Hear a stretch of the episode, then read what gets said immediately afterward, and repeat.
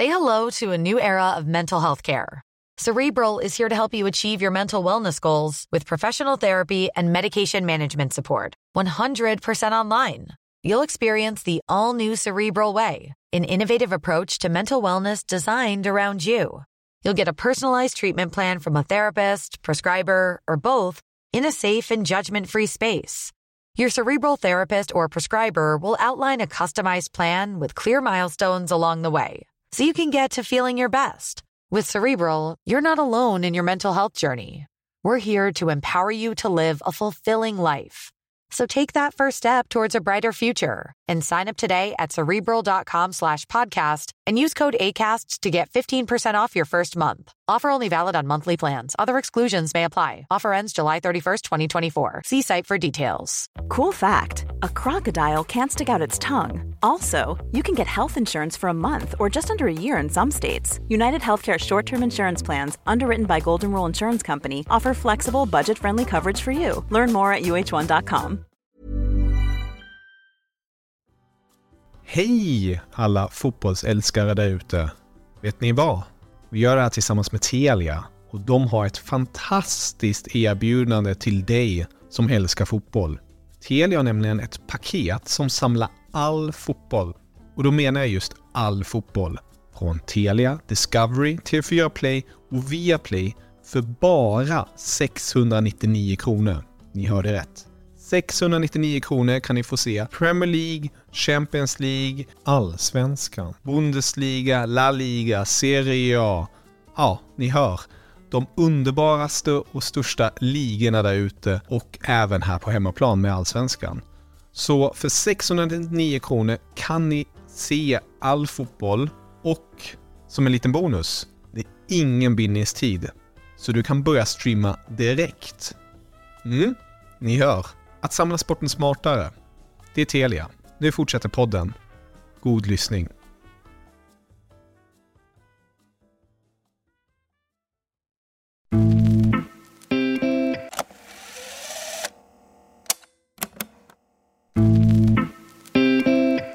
Historiskt sett är Niklas Alexandersson en av Blåvitts starkaste hemvändare och vann både SM-guld och kuppen med klubben. När jag poddintervjuade honom våren 2015 var han precis som idag lärare på Änglagårdsskolan och talade om jobbet där han hjälper talanger att utvecklas, om hur svensk fotboll ska få fram fler toppspelare och om att han själv var trött på tiki-taka-spelet och ville se en annan fotboll. Dessutom berättar han om genombrottet till Hansas BK, om klivet till IFK Göteborg för att utvecklas, spel i Premier League och i flera mästerskap med landslaget. Han var öppen om varför det skar sig med HBK, om varför England var rätt för honom och om förlusten han fortfarande grämde sig över.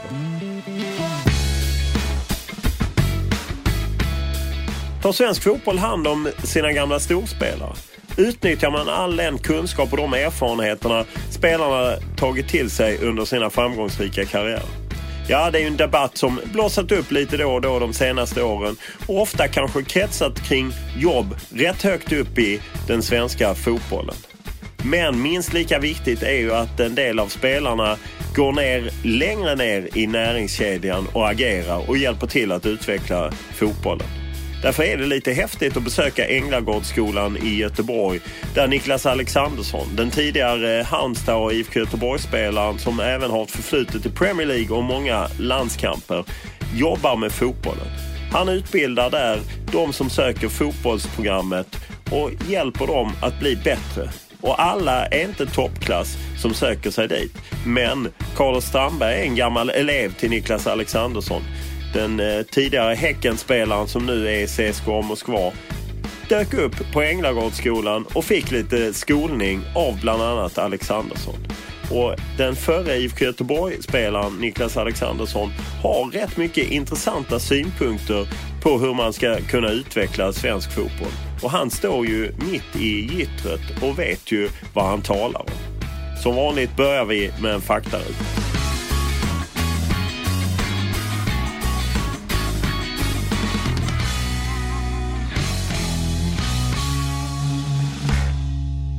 Ålder? 43. Familj? Eh, fru Frida och eh, tre barn. 16, 14 och 6. Bor? Bor än så länge i västra Göteborg men är på väg in mot centrala delarna. Utbildning? Eh, treårig samhällsvetenskaplig på gymnasiet. Eh, var ju det sista i skolväg. Lön? Lön? Eh, den är inte lika hög nu som när jag var som aktiv fotbollsspelare men eh, jag trivs med det jag gör. Sen eh, känns det väl dumt att gå ut med några siffror vad man tjänar som, eh, på en skola men det är som alla vet det är ju inte, det är inte i paritet med vad jag gjorde innan. Din största fotbollsupplevelse? Ja, min största fotbollsupplevelse måste nog... Ja, det, det, fin, det är alltid svårt att välja ut några. Eh, det är ju dels SM-guldet som lagkapten 2007 med Blåvitt. Sen är det väl också givetvis VM i Japan och mitt, ja, först, mitt, min första VM-turnering och första VM-mål och sådär. Det är väl de två är väl de, Det är på olika nivåer men båda, båda stora minnen som man kommer komma ihåg. Bästa spelaren du spelat med? Det är en fråga man ofta får eh, som är jättesvår. Eh, I landslaget har jag spelat med många, jättemånga. På klubbnivå, eh, den som imponerat mest på mig, alltså som man har tränat med under en längre tid, måste jag säga är Paolo Di Canio när jag spelade med honom i Sheffield Wednesday. Han eh, stack ut lite extra, men sen som sagt alla de som har varit i svenska landslaget och Sen har jag spelat med en del spelare som har varit riktigt duktiga men som inte haft sin peak just när jag har spelat med dem. Typ Wayne Rooney som slog igenom i Everton när jag var där. Gascoigne som var tvärtom då hade haft sin peak. Men båda väldigt bra spelare givetvis. Den tuffaste motståndaren du stött på? Ehm... Jag tyckte den spelaren som enskilt liksom imponerat mest på mig när jag mött som motståndare var nog Thierry Henry när han spelade i Arsenal och var som bäst där. Jag hade ju inte honom direkt emot mig men han kunde ju, tyckte jag, på egen hand eh, avgöra matcher. Eh, tittar man på spelare som jag har haft liksom rakt emot mig lite mer så kommer väl Ryan Giggs eh, ganska högt upp där tror jag under, under sin eh, bästa period. Om du skulle youtuba fram ett gammalt mål du har gjort, vilket skulle det bli då? Um, ja, det viktigaste var ju det mot England givetvis. I VM 2002? Ja, mitt snyggaste landslagsmål var nog mot Moldavien på Ullevi. 6-0 match. Det var, inte, det var inte lika viktigt men... Eh, så det beror på om jag vill se ett snyggt mål eller ett viktigt mål tror jag. Eh, finns det någon medalj i din eh, samling av medaljer som du värderar extra högt? Ja, det har inte blivit, jag har inte spelat i lag som har tagit så jättemycket titlar. Så eh, tittar man medaljer så är det klart så smäller väl SM-guldet med Blåvitt. Eh, speciellt det som jag sa 2007 när det hade gått 11 år sedan vi vann. Jag var ju med gången innan då, 96. Eh, men då hade föreningen vunnit tre år på raken tidigare. Och då var det mer att alla förväntade sig att vi skulle ta guldet. Så eh, 2007-guldet eh, är väl det som, som smäller högst eh, rent medaljmässigt. Jag vet inte om du byter tröjor och om du gör det. Är det någon tröja du har kvar som du känner att wow, den är jag lite glad över att jag har?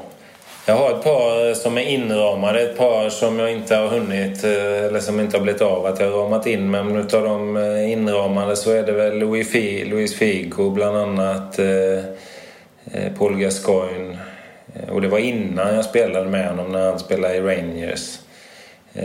Sen har jag Rooneys tröja då som bytt en landskamper. Så det, det är några stycken där som, som är bra namn. Bästa publiken du spelat inför? Oh, eh, ja du. Eh, jag tyckte väl i England så där det var bäst tryck var nästan eh, uppe i nordöstra delarna där Newcastle, Sunderland där när man mötte de lagen. Eh,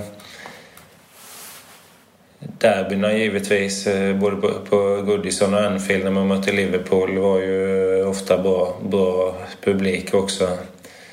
Eh, största är nog när vi spelade i Sydkorea. Den här träningsmatchen var väl 80 000 eller något. Men, men eh, ja, nordöstra England där tror jag någon av de arenorna är nog bästa trycket. Är det någon arena som sticker ut under din långa karriär att den var häftig att spela? på. Ja, alltså Wembley är ju alltid klassisk mark på något vis det finns ju så mycket tradition där också. Det är väl kanske inte den, eller var inte den finaste arenan kanske på det sättet men eh, det är ju alltid en speciell känsla att spela där tycker jag. Vad kör du för bil? Ja, eh, just nu kör jag en eh, liten Fiat här eftersom min fru har lagt beslag på den, den större Range Rovern där så men det passar bra när man inte rör sig så långa sträckor. Vad röstar du på? Eh, jag röstar åt Alliansens håll. Vad har du för motto? Eh, behandla andra som du själv vill bli behandlad. Senast du grät?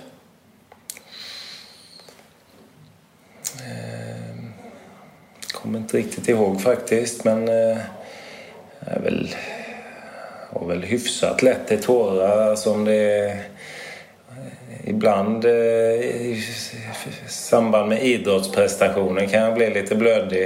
Eh, kanske inte så som man storbör men att det kommer en tår. Jag är ju framförallt som du känner till en väldigt längdfantast så det har väl funnits några ögonblick där där det inte det har varit nära. Senast du var full slash onykter? Ja du, när var det? Eh, jag brukar ha relativt bra kontroll så det är sällan eh, liksom det har varit eh, att man hamnar över gränsen i alla fall till en onykterhet där man ja, inte har koll på saker och ting. Så ja, om man ska ta på den så är det nog ganska långt tillbaka i tiden. Salongsbrusar har det väl förekommit senare men ja, inget sådär. Det är också ett bra tag sedan tror jag. Vad läser du?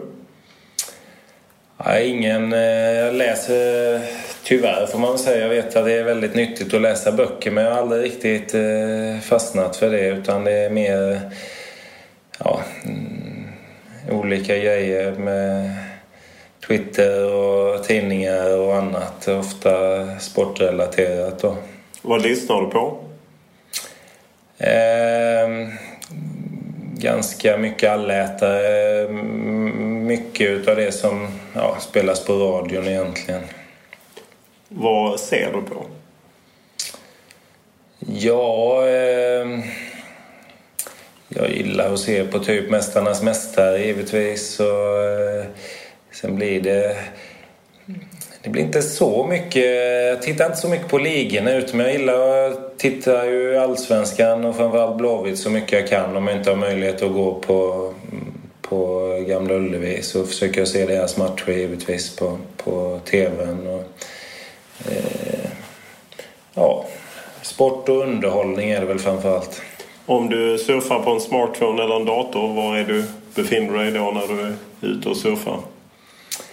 Ehm, ja, väldigt mycket är väl kopplat dels till det jag jobbar med och dels eh, att jag själv är tränare för ett eh, P01-lag. Så mycket blir ju kring eh, ungdomsfotboll i olika sammanhang. Man kollar lite hur det går i de olika serierna, lite hur det går för elever och hur det går... Ja, mycket i alla fall utav det dagliga surfandet hamnar nog där tror jag.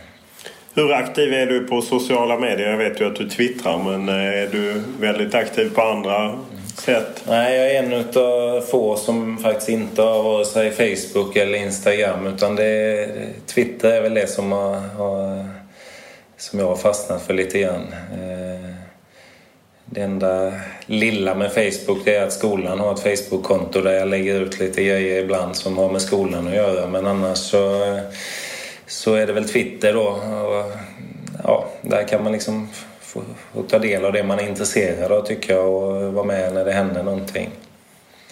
Lite debatter ibland och lite, ja, en ganska kul form men det jag är glad att, inte att jag inte är på de andra för jag har en tendens att, man, att när man väl börjar så blir det ganska mycket med sånt där. Så det, det räcker nog bra med Twitter för min del. Vid det här laget så kan ni väl att eh, på Acast så får ni mycket, mycket mer än bara podden.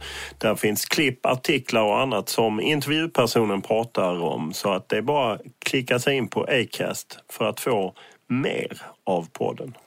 Vi sitter ju här på eh, Änglagårdsskolan i ett lärarrum lite inhyst i eh, lite barackliknande får man ändå säga att eh, det är. Men ni flyttade till fina lokaler i vår. Men detta är din nya tillvaro att vara lärare på Änglagårdsskolan. Ja, jag, från när jag slutade 2008 så det, det fanns ju givetvis som för alla som har hållit på med elitidrott. När man börjar närma sig slutet så finns det ju en ja, jag ska inte säga oro, men det finns ju en, eh, en frågeställning. Vad vill man syssla med? Vad vill man göra? Hitta något som känns meningsfullt och eh, som man trivs med helt enkelt. Och det är ju det är inte alla som vet det. Och när möjligheten dök upp här att, eh, att börja där 2009 så, så kände jag att det är nog något som skulle passa mig. Jag hade Innan jag blev fotbollsspelare på heltid så fanns det väl i bakgrunden någonstans där att jag ville bli idrottslärare. Jag har alltid varit väldigt intresserad av idrott i olika former och eh, tycker om att jobba med ungdomar också. Ehm, ehm, eh, så eh, började 2009 och är fortfarande kvar.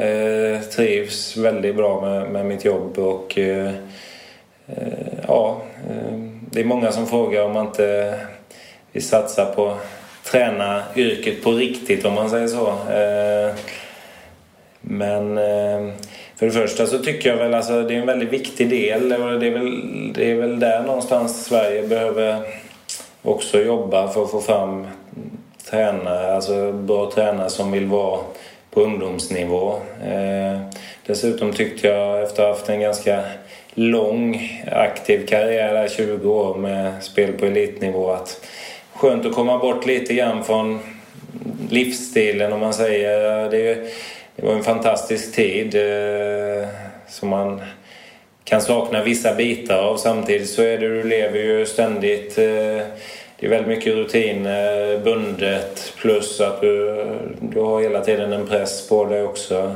Eh, ungdomsfotbollen är lite mer Alltså, det är fortfarande roligt med fotbollen. Det är lite mer lustfyllt, lite mindre krav och lite mer, lite mer utveckling. Så um, i dagsläget så, så känner jag mig väldigt nöjd och, och glad över att vara här på.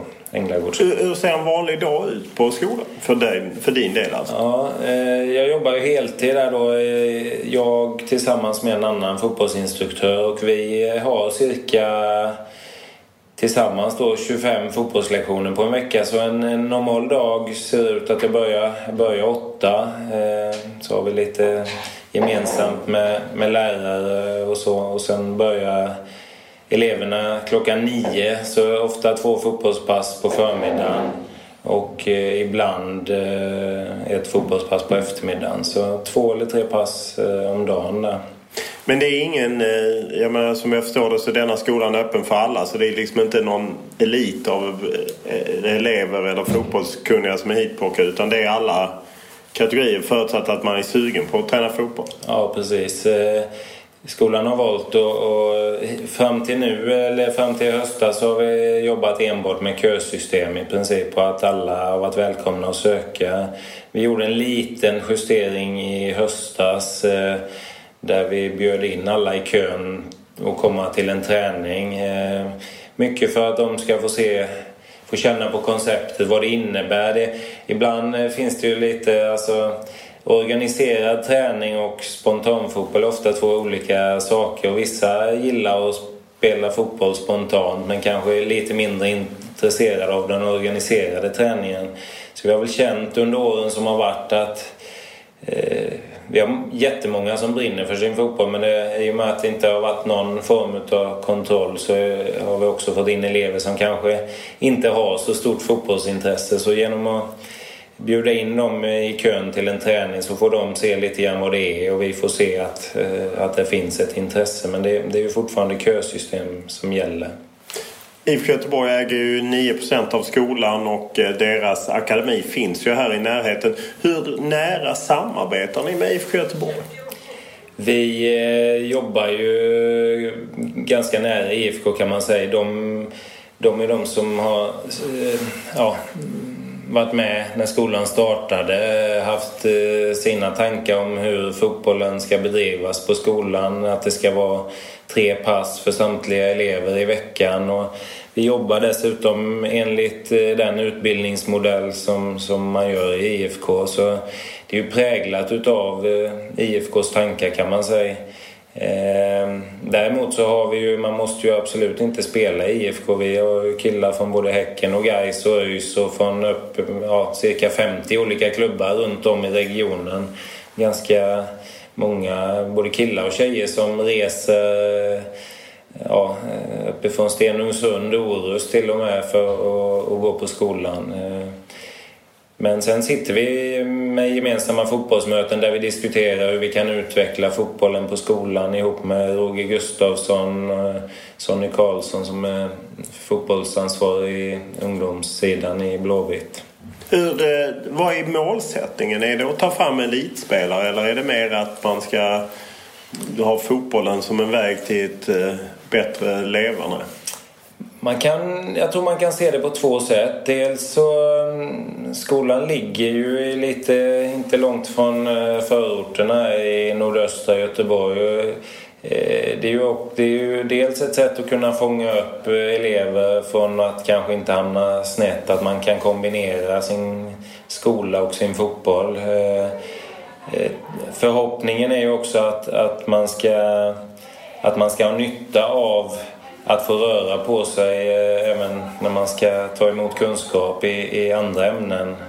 Eh, sen någonstans i bakhuvudet så är det klart att eh, IFK Roger Gustafsson har ju propagerat mycket för det här med 10 000 timmar. Att för att kunna bli riktigt duktig så, så krävs det mycket träning. Och vi erbjuder ju då fotbollsintresserade elever tre extra pass i veckan utöver de de får i sina klubblag. Och det, mm, det är ju kanske inget problem för eh, killar och tjejer som spelar i, ja, i Blåvitt och Häcken. så de tränar ganska mycket ändå. Men du kanske tillhör ett litet landsortslag som kanske tränar två gånger i veckan. Och då får du möjlighet att träna tre gånger till och därmed kanske lättare ja, kan vara kvar i ditt klubblag till exempel och ändå få träning med killar och tjejer som kommer från lite olika miljöer. Så det, jag tror att eh, Förhopp IFKs förhoppning är givetvis någonstans att det, detta tillsammans med deras egen ungdomsakademi ska producera bra spelare till deras A-lag.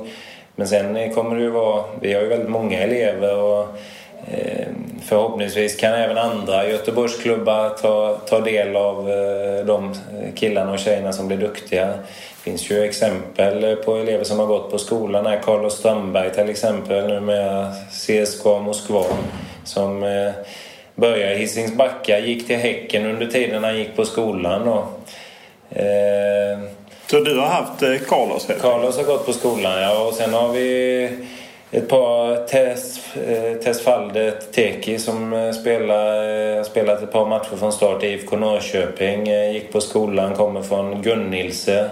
Valde den vägen då. Norrköping var utlånad till Sylvia, tog det klivet. Sen har vi tre killar som har kontakt i, i Blåvitt här med Patrik Dyrestam, Karl Bom och Billy Nordström som alla knackar lite på dörren där. Så eh, det finns olika vägar. Ett par tjejer som spelar i Elitettan, en som spelar i damallsvenskan. Så eh, förhoppningen är väl eh, jag som Blåvitt ser ju gärna att de bästa spelarna hamnar i Blåvitt så småningom. Men kan vi få fram duktiga spelare även till andra lag så, så är det ju bara bonus. Du försökte inte styra Carlos Strandberg mot Kamratgården? Nej, det gjorde jag inte. Och det, alltså det, det är också um, det här med rekrytering av spelare ungdoms... För det första är det ju väldigt svårt att veta vilka som eh, är de som kommer gå allra längst. Eh, eh, det är ju så. Blåvitt kan inte ta emot alla duktiga som går i årskurs eh, åtta till exempel eller när det börjar bli dags. utan, eh, eh, sen är det olika delar. Vissa man kanske har föräldrar som har anknytning till Gais eller till Häcken eller något. Så det, Visst. Men är du inne och diskuterar det eller är det känsligt? Eller vet alla på något sätt din koppling till IFK Göteborg och med att skolan ändå är Nej, det, det, kan väl mer vara så att eh, det kan vara någon, om det är så. Ofta är det mer för att dubbelkolla. Så det, det kan vara att de ska in på gymnasiet eller, eller Blåvitt har ju givetvis sina egna scouter som har full koll på. Men är det någon som går på skolan som de vet jag har som de har kollat upp så är det klart så, så kanske de kollar med mig också. Såg du direkt att Carlos Strandberg skulle bli något? Man kan väl säga så här, när jag hade honom i årskurs sju så var han... Eh, då kändes det som att, hans, alltså att han hade fokus kanske lite åt olika håll. Han var inte, liksom, det kändes inte sådär att han kanske brann så stenhårt för fotbollen. Däremot när, när vi började komma upp i åttan och nian, vi brukar vara ute och spela med vårt skollag och jag kommer ihåg, eh, vi var i Jönköping och spelade två matcher. Eh, vi hade ju en riktigt bra eh, 96-års årgång där med många duktiga spelare och eh, jag tror han smällde in Ja, vi vann ganska stort. Men han gjorde de sex första målen i båda matcherna och då kände man väl lite grann någonstans att det här är en kille som, som har potentialen.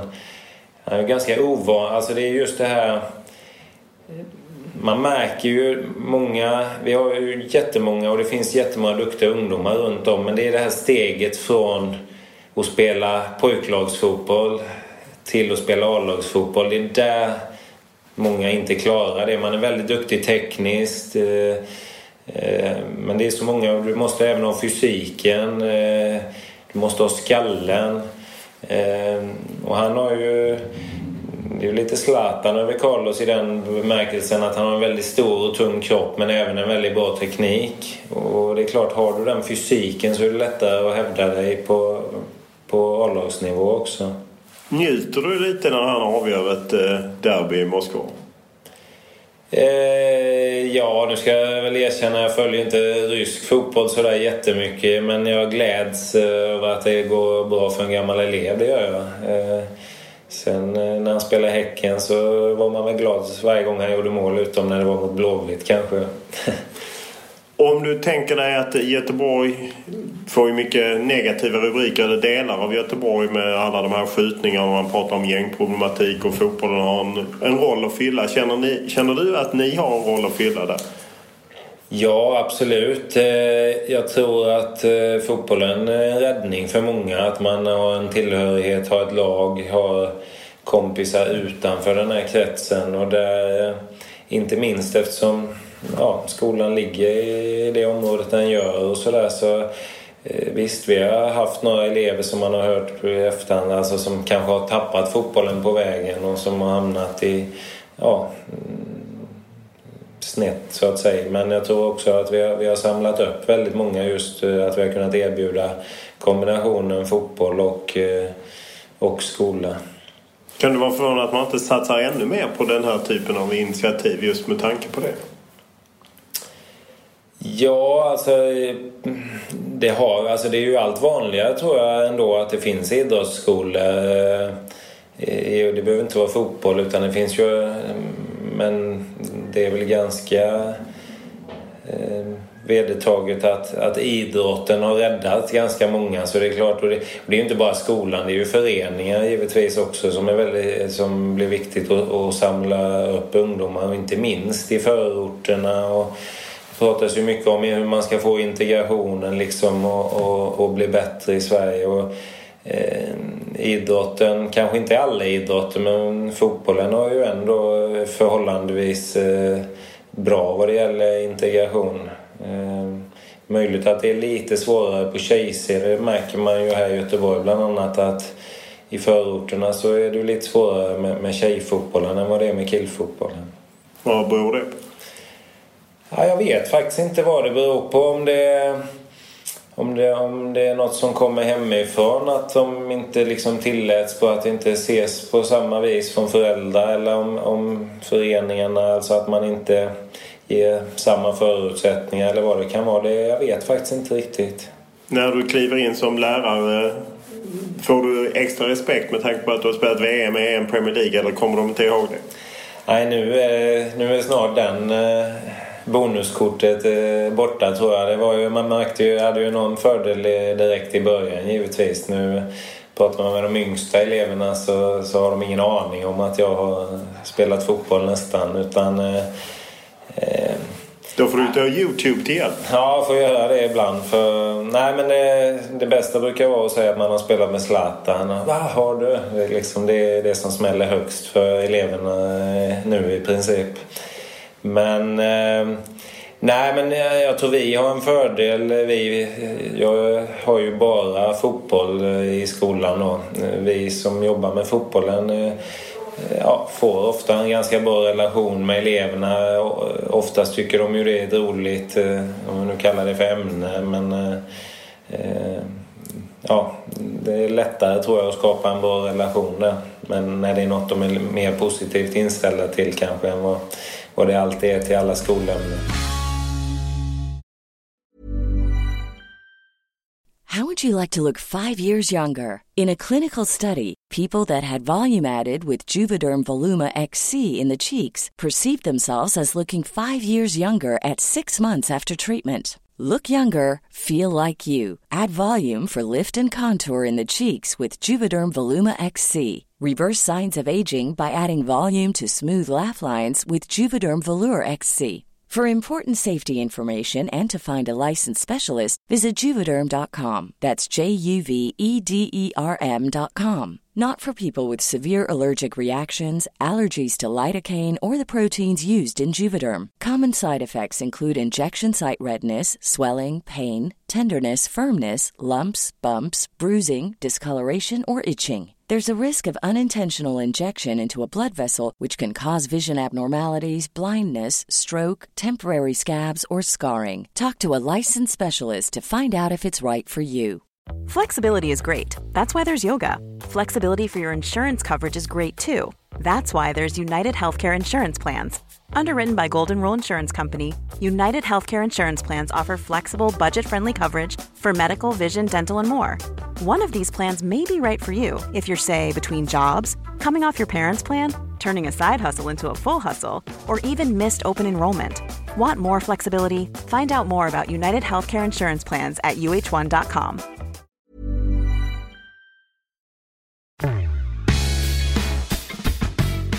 När Niklas Alexandersson slog igenom i Halmstad BK tidigt 90-tal så fanns det inte på kartan att någon satte jaget före laget. Eller rättare sagt, satte någon jaget före laget så var de nog inte del av laget så mycket länge till. Det var en annan tid och en annan anda och Niklas Alexandersson har varit med om hela den här omsvängningen där eh, Sverige gått från att betona kollektivet och laget till att betona jaget. Och där spelarna har gått till att vara försvarsmässigt kunniga, till att bli kreativa, roligare och kanske mer offensiva. Men att man tappat någonting. Vad är bäst? Det är ju det som är frågan. Ska man gå på det spanska tiki-taka possession-spelet eller ska Sverige falla tillbaka till det man en gång i tiden var bra på? Ja, det är ju naturligtvis givande att höra någon som har varit med under hela resan och vad den personen anser att Sverige borde göra. Det man minns eh, lite när du slog igenom eh, var ju att eh, det beskrevs hur din pappa tränade upp dig med bägge fötterna. Att han band han det ena benet eller? Eller är det en skröna? Ja, det, det, det stämmer. Alltså, jag kommer inte ihåg det själv för jag var inte så gammal. Men eh, det var ju från när jag var riktigt liten. Han själv eh, led väldigt mycket och var väldigt enbent. Han spelade ju själv på allsvensk nivå och var med i U21-landslaget vid ett tillfälle. Men tyckte ju själv att han var begränsad. Så han, han uppmuntrade ju tidigt att använda bägge fötterna och det var ju, jag kommer inte ihåg om han band eller om han höll fast det ena men det var ju, den skulle ju framför vänstern bollen i, som liten alltså. Hur, hur mycket nytta hade du av det? Ja, det är alltid svårt att, svårt att veta hur det hade varit annars. Men, eh... men just att du var rätt tvåfotad? Ja, men eh, när man spelar på kanten det är ju en enorm fördel att veta att man kan gå åt båda hållen och liksom ändå alltså, bryta in och skjuta med vänster. Alltså, typ som mot England då, eller, eller om man gick på utsidan för att slå inlägg. Det, du får ju en annan... Eh ja, det blir svårare att läsa tror jag som spelare om du kan använda bägge fötterna. Det, det är en enorm fördel att kunna göra det.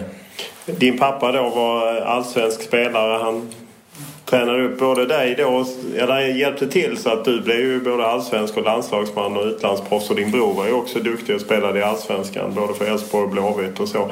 Eh, och nu är du själv pappa med en son som är duktig. Hur, hur eh, håller man liksom det på en lagom nivå så man inte blir för driven?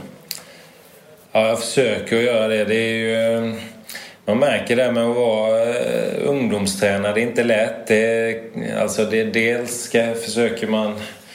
Alltså det, det, finns olika och det kommer nya rön och infallsvinklar hela tiden. Man får ju på något vis utgå ifrån eh, eh det är både breddperspektiv medan vissa menar att nej, men vi måste satsa hårdare tidigare och, och så vidare. Och det, ja, det är en utmaning. Alltså, det gäller, tror jag, att ja, försöka hitta de bitarna som man själv tror. Jag, jag tror ju man ser, alltså jag tror det är viktigt. Man måste givetvis träna mycket fotboll för att kunna bli duktig. Det, spontanfotbollen eh, idag är ju inte lika utbredd som den var när man själv växte upp. Man var ju i princip alltid ute själv. Däremot har det ju ersatt då som typ med, med skolor och annat där som man inte, inte gjorde förr mer än på rasterna då.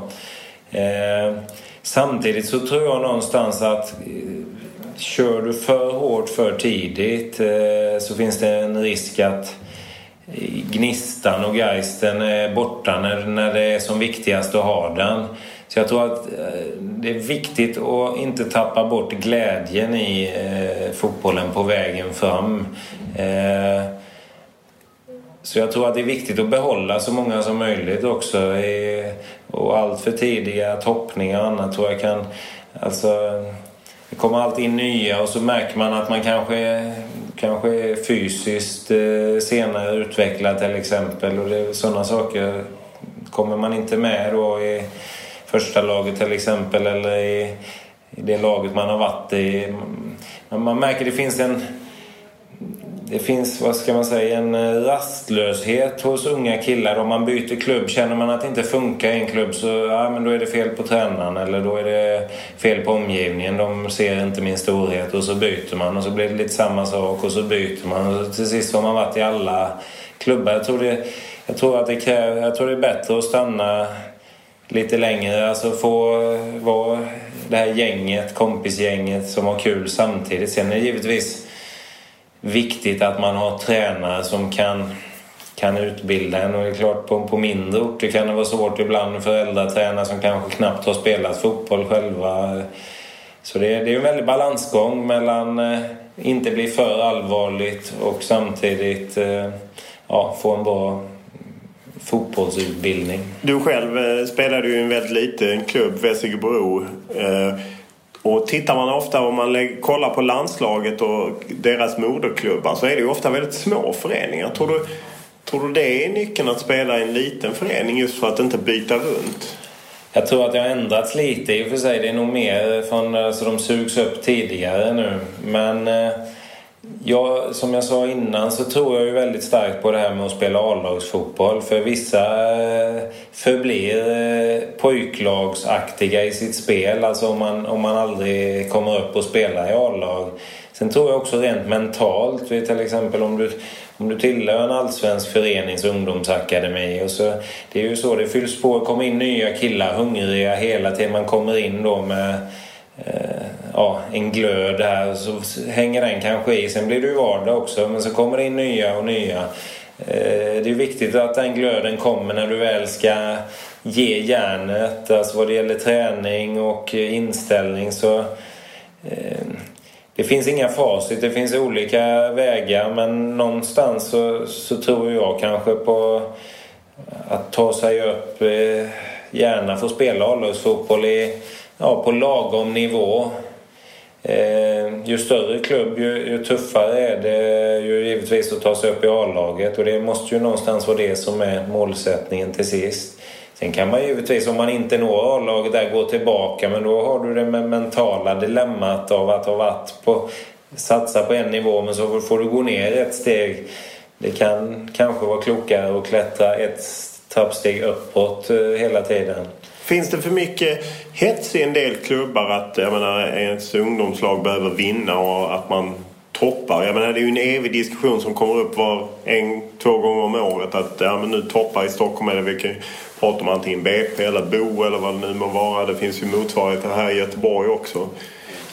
Vad, vad känner du där? Ja, alltså det, jag, jag, tror kanske att det toppas lite för tidigt. Alltså, det är lätt att hamna, jag vet själv att man när man väl är inne i det, alltså, man, man kan bli lite resultatblind också. Tittar man på det med lite distans och lite sans så är det ju ett resultat som de gjorde som 12-åringar är ju egentligen helt oväsentligt hur, om, det kommer, om de kommer bli duktiga spelare som vuxna eller inte, om de har vunnit eller förlorat matchen. Samtidigt så ingår det ju i spelets natur att försöka vinna. Men jag tycker man inte ska göra det till vilket pris som helst. Framförallt inte i, alltså i den yngre åldern utan det är väl först här i Göteborg till exempel så började ju i är det 12, 13, 12 årsåldern tror jag där man kan anmäla sig till olika nivåer? Och det tycker jag är ganska bra, alltså att man nivåindelar. Men det, det tycker jag är lite skillnad mot att toppa för det, det är ungefär som i skolan, alltså ligger du väldigt långt fram i matte så finns det liksom ingen anledning att räkna tal som du gör i sömnen nästan om du kan få utmaning på ett en nivå högre. Medan de som kanske har lite svårare behöver lite extra hjälp. Eh, så jag tror att det, vi har jobbat så där jag själv är i Frölunda då med min sons lag att vi, vi försöker ha lite både och. Ibland spelar vi med jämna lag, ibland spelar vi med nivåanpassade lag.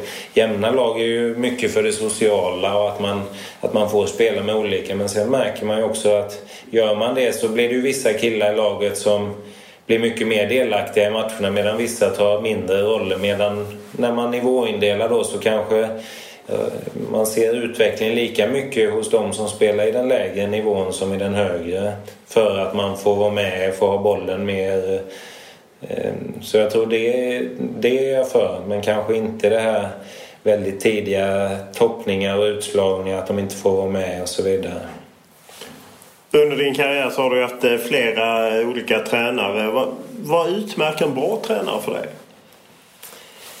Ja, det, det, är ju många bitar som ingår i och sen tror jag det är olika faser. Alltså, om man tittar själv lite i backspegeln på, på vilka tränare som har betytt mycket och sådär så är det ju som sagt en som var väldigt viktig för mig var Stuart Baxter för då kom jag från en liten förening där det inte har varit hade varit speciellt organiserat och så vidare. Som det var när du gick till Halmstad BK? Ja, från Västergebro då, min moderklubb. Eh, spelade ju A-lag där då i division 5 och 6. Men kom dit då till Halmstad som 16-åring och då var ju Stuart där. Och han var ju väldigt duktig på att ut. Alltså där är man ju, då kommer man eh, hungrig på att lära sig. Jag var ju väldigt mottaglig tror jag.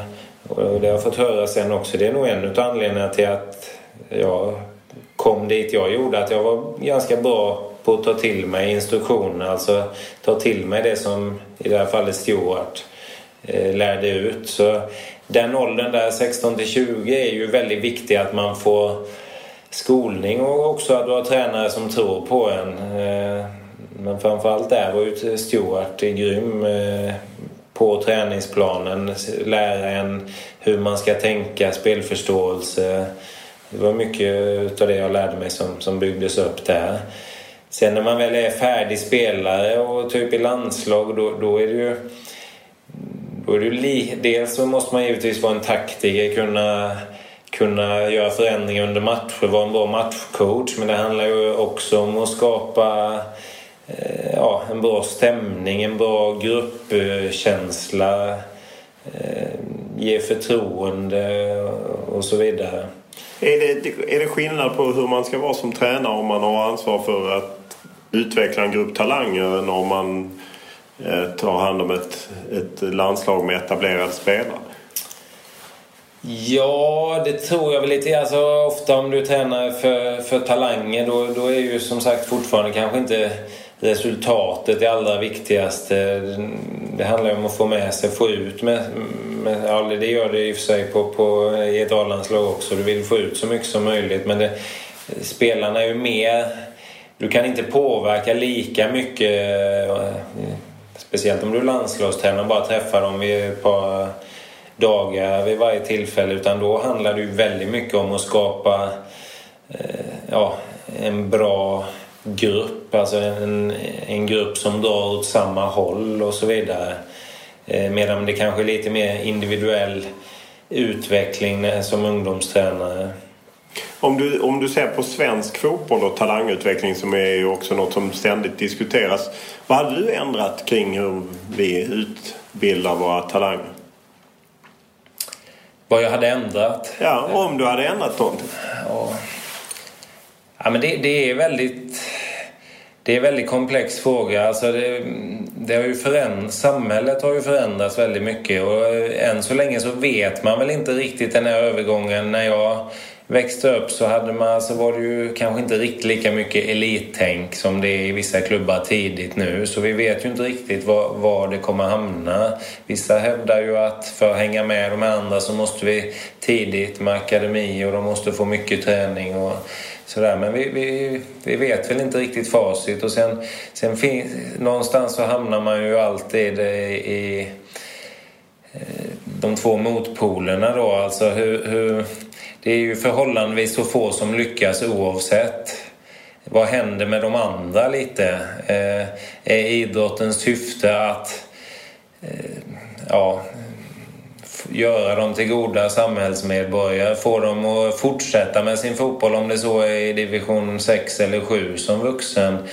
Eh, eller är det att få fram några riktigt duktiga på bekostnad av att desto fler slutar till exempel. Någonstans hamnar man ju alltid i den här, ska vi man kanske ska ha väldigt tydligt ut eh, ja, elitidrott där, breddidrott där men eh, eh, det finns ju egentligen inget facit om det verkligen är de som från väldigt tidig ålder drillar stenhårt om det är de eller om det är lika många utav dem som lyckas som det andra.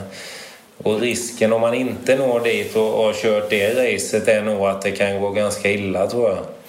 Varför, är det, varför tror du att det är så det ofta blir laddat om det är lagsporter där man toppar men att man på något sätt tycker att det är okej okay att om man sitter och spelar piano så är det liksom inget konstigt om man börjar när man är fem år och sitter timme ut och timme in eller alltså lite mer så eller dansar ballett eller liknande. Eh, ja, jag vet inte varför det är så. Jag läste någonstans här ganska bra också. Typ det här med vi i femman eh, till exempel. Där tar man ju de två som betraktas som de smarta eller man får göra tester och de som har bäst på dem är de som representerar klassen liksom. Eh, ja, det hade man inte riktigt gillat på samma sätt i, i fotboll. Nej. Eh, Ja, men det, det, det, som talar för det andra, alltså det handlar ju någonstans om, om att skapa intresset också. Alltså det, eh, man vill, i alla fall vill jag som förälder, jag, jag vill ju gärna att mina barn Alltså, eh, man ser ju vad idrotten ger även om de inte blir elitidrottare. De får sina kompisgäng, de får lära sig det sociala spelet. Eh, de kanske håller sig, nu är inte mina barn uppe i den åldern riktigt än, men de kanske håller sig borta från andra. Så, alltså, man vill ju inte på bekostnad av det köra all in som eh, sina 8-9-åringar tränar de sju dagar i veckan liksom och, mot att de tappar sugen. Då tar jag nog hellre den, eh, alltså att ja, man inte når hela. Utan jag tror det måste komma. Och det, mycket styrs ju givetvis av hur mycket barnen och ungdomarna vill själva. Jag tror det är väldigt farligt att det är andra som ska bestämma över hur... Eh, det går ju liksom aldrig att tvinga dem och de måste ju tycka det är roligt också. För den dagen du tappar... Alltså om du till exempel bara vill bli fotbolls, uh, lyckas i fotboll för att du vill tjäna pengar. Det, jag tror inte det räcker som drivkraft utan eh, tycker du det är tråkigt att spela fotboll men du vill, du vill tjäna pengar? Alltså jag tror det är svårt att lyckas med de eh, föreställningarna. Alltså, man hör ju tyvärr ganska många eh, ungdomar dagligen och det är, eh, pengar och kändisskap är nästan viktigare än att man vill, verkligen vill bli bra för att man tycker det är roligt. Om, du talar just om samhällsförändringen och så och man kan väl säga att när du slog igenom så var ju Sverige, stod Sverige mycket för en fotboll som kanske var mer försvarsinriktad och lag och kollektiv. Medan man idag har ju, hela samhället har ju kantrat över till att det mer handlar om individen och att man ska vara skicklig och vi är tekniskt skickliga. Tror du Sverige kan göra den resan att vi kan bli som ett Spanien? Att man kan spela tiki-taka fotboll? Eller måste vi ha kvar det som man kallar då rötterna?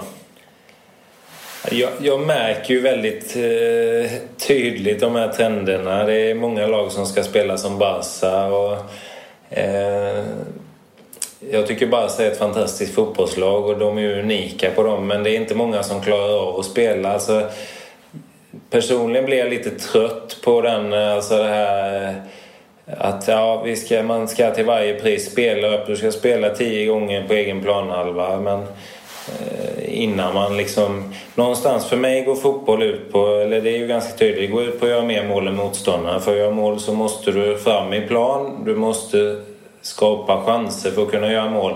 Sen om du gör det med en pass eller med tio pass tycker jag är ganska oväsentligt. Ibland måste man använda tio. Men ibland kan man använda en. Eh, nu känns det nästan som vissa lag eh, förbjuder dem att slå djupledsbollar för att eh, det betraktas som tjongafotboll.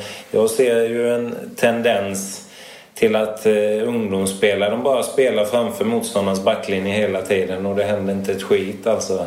Eh, så jag tycker nog man ska hitta, alltså för mig, jag gillar ju typ eh, den tyska fotbollen, alltså eh, när det gick, eh, när det går framåt och eh, men ändå med passningar, så man kan ju vara teknisk. Det, det, är ju väldigt teknik att kunna slå en eh, djupledspass med precision till exempel. Eh, Sen, sen, tror jag, alltså, jag, jag, tror man ska försöka, man ska absolut, det är väl ingen snack om att vi måste jobba på att bli bättre tekniskt men vi får inte glömma bort det andra för jag tror det, eh, det är så farligt när man får den föreställningen att det ska spelas på ett speciellt sätt. Eh, jag tror att man Fotboll går ju ut lite grann på, ibland kanske man måste ändra sitt, sitt spel beroende på vad man möter. Alltså möter, ska du spela kortpassningsspel men du har en motståndare som pressar dig väldigt högt och du aldrig kommer, alltså om de tar bollen varenda gång på egen plan då, då måste man ju som jag ser det spela förbi deras press.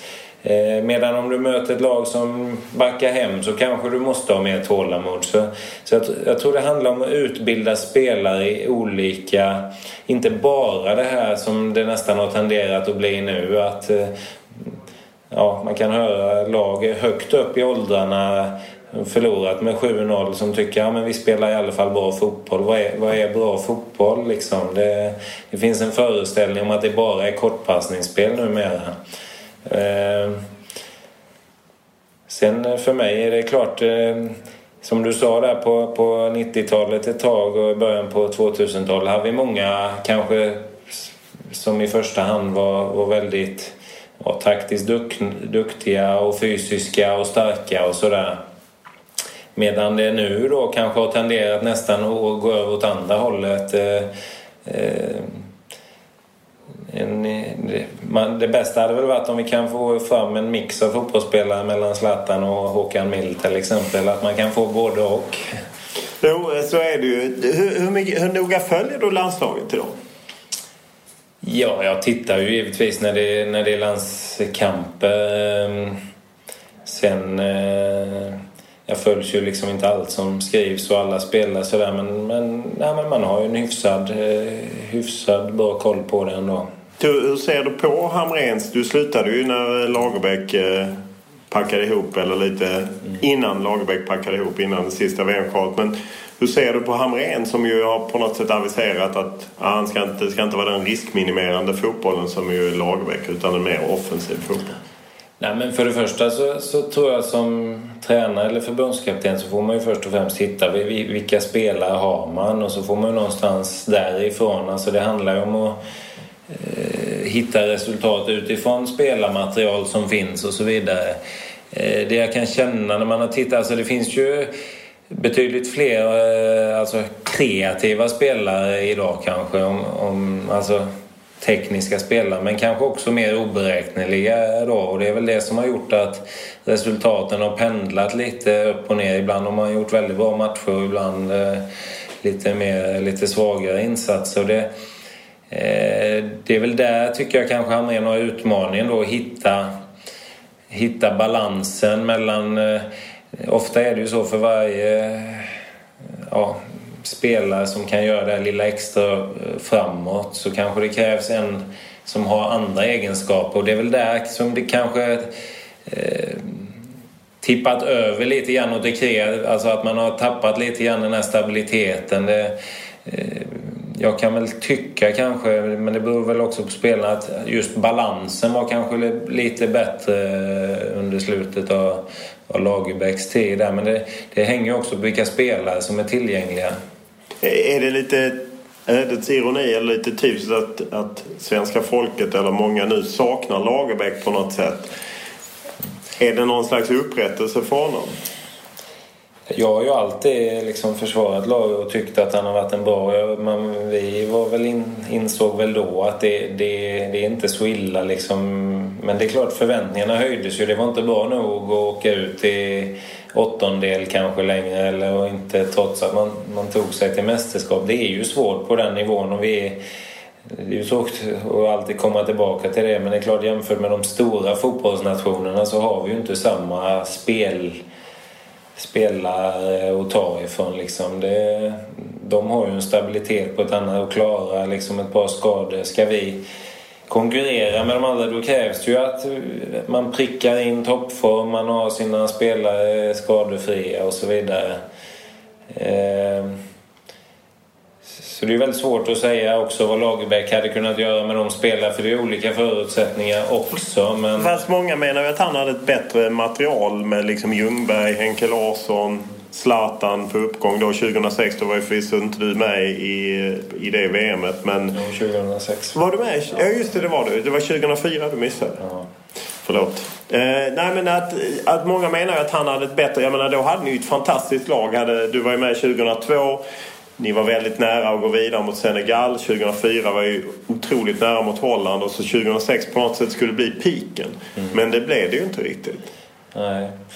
Eh, nej men det var väl återigen alltså eh, det var andra spelartyper. Som jag sa, vi hade, vi hade en ganska bra balans då. Alltså vi hade kombinationen de som jobbar väldigt, väldigt hårt för laget och de som var, liksom var duktiga på att göra det kreativa. Alltså balansen var bra. Eh, jag tror man underordnade sig eh, liksom varandra och hitta, hitta en bra balans där. Och sen, sen är det väl eh, Någonstans jag såg Mourinhos uttalande här nu när de med boring Chelsea och sådär. Och det är klart, det är väl samma nu, det som händer med svenska folket nu då under Hamrén att Eh, att man säger att det var bra med Lagerbäck det är ju för att man någonstans så vill man vara i mästerskapen, man vill vinna till, alltså då eh, det är ju någonstans det fotbollen handlar om. Sen det är klart kan man kombinera det med skönspel så fine men någonstans så tror jag får du välja så är det så är det resultat först, i alla fall på elitnivå. Eh, på ungdomsnivå kanske det ska vara tvärtom då, men på elitnivå så är det ändå resultaten.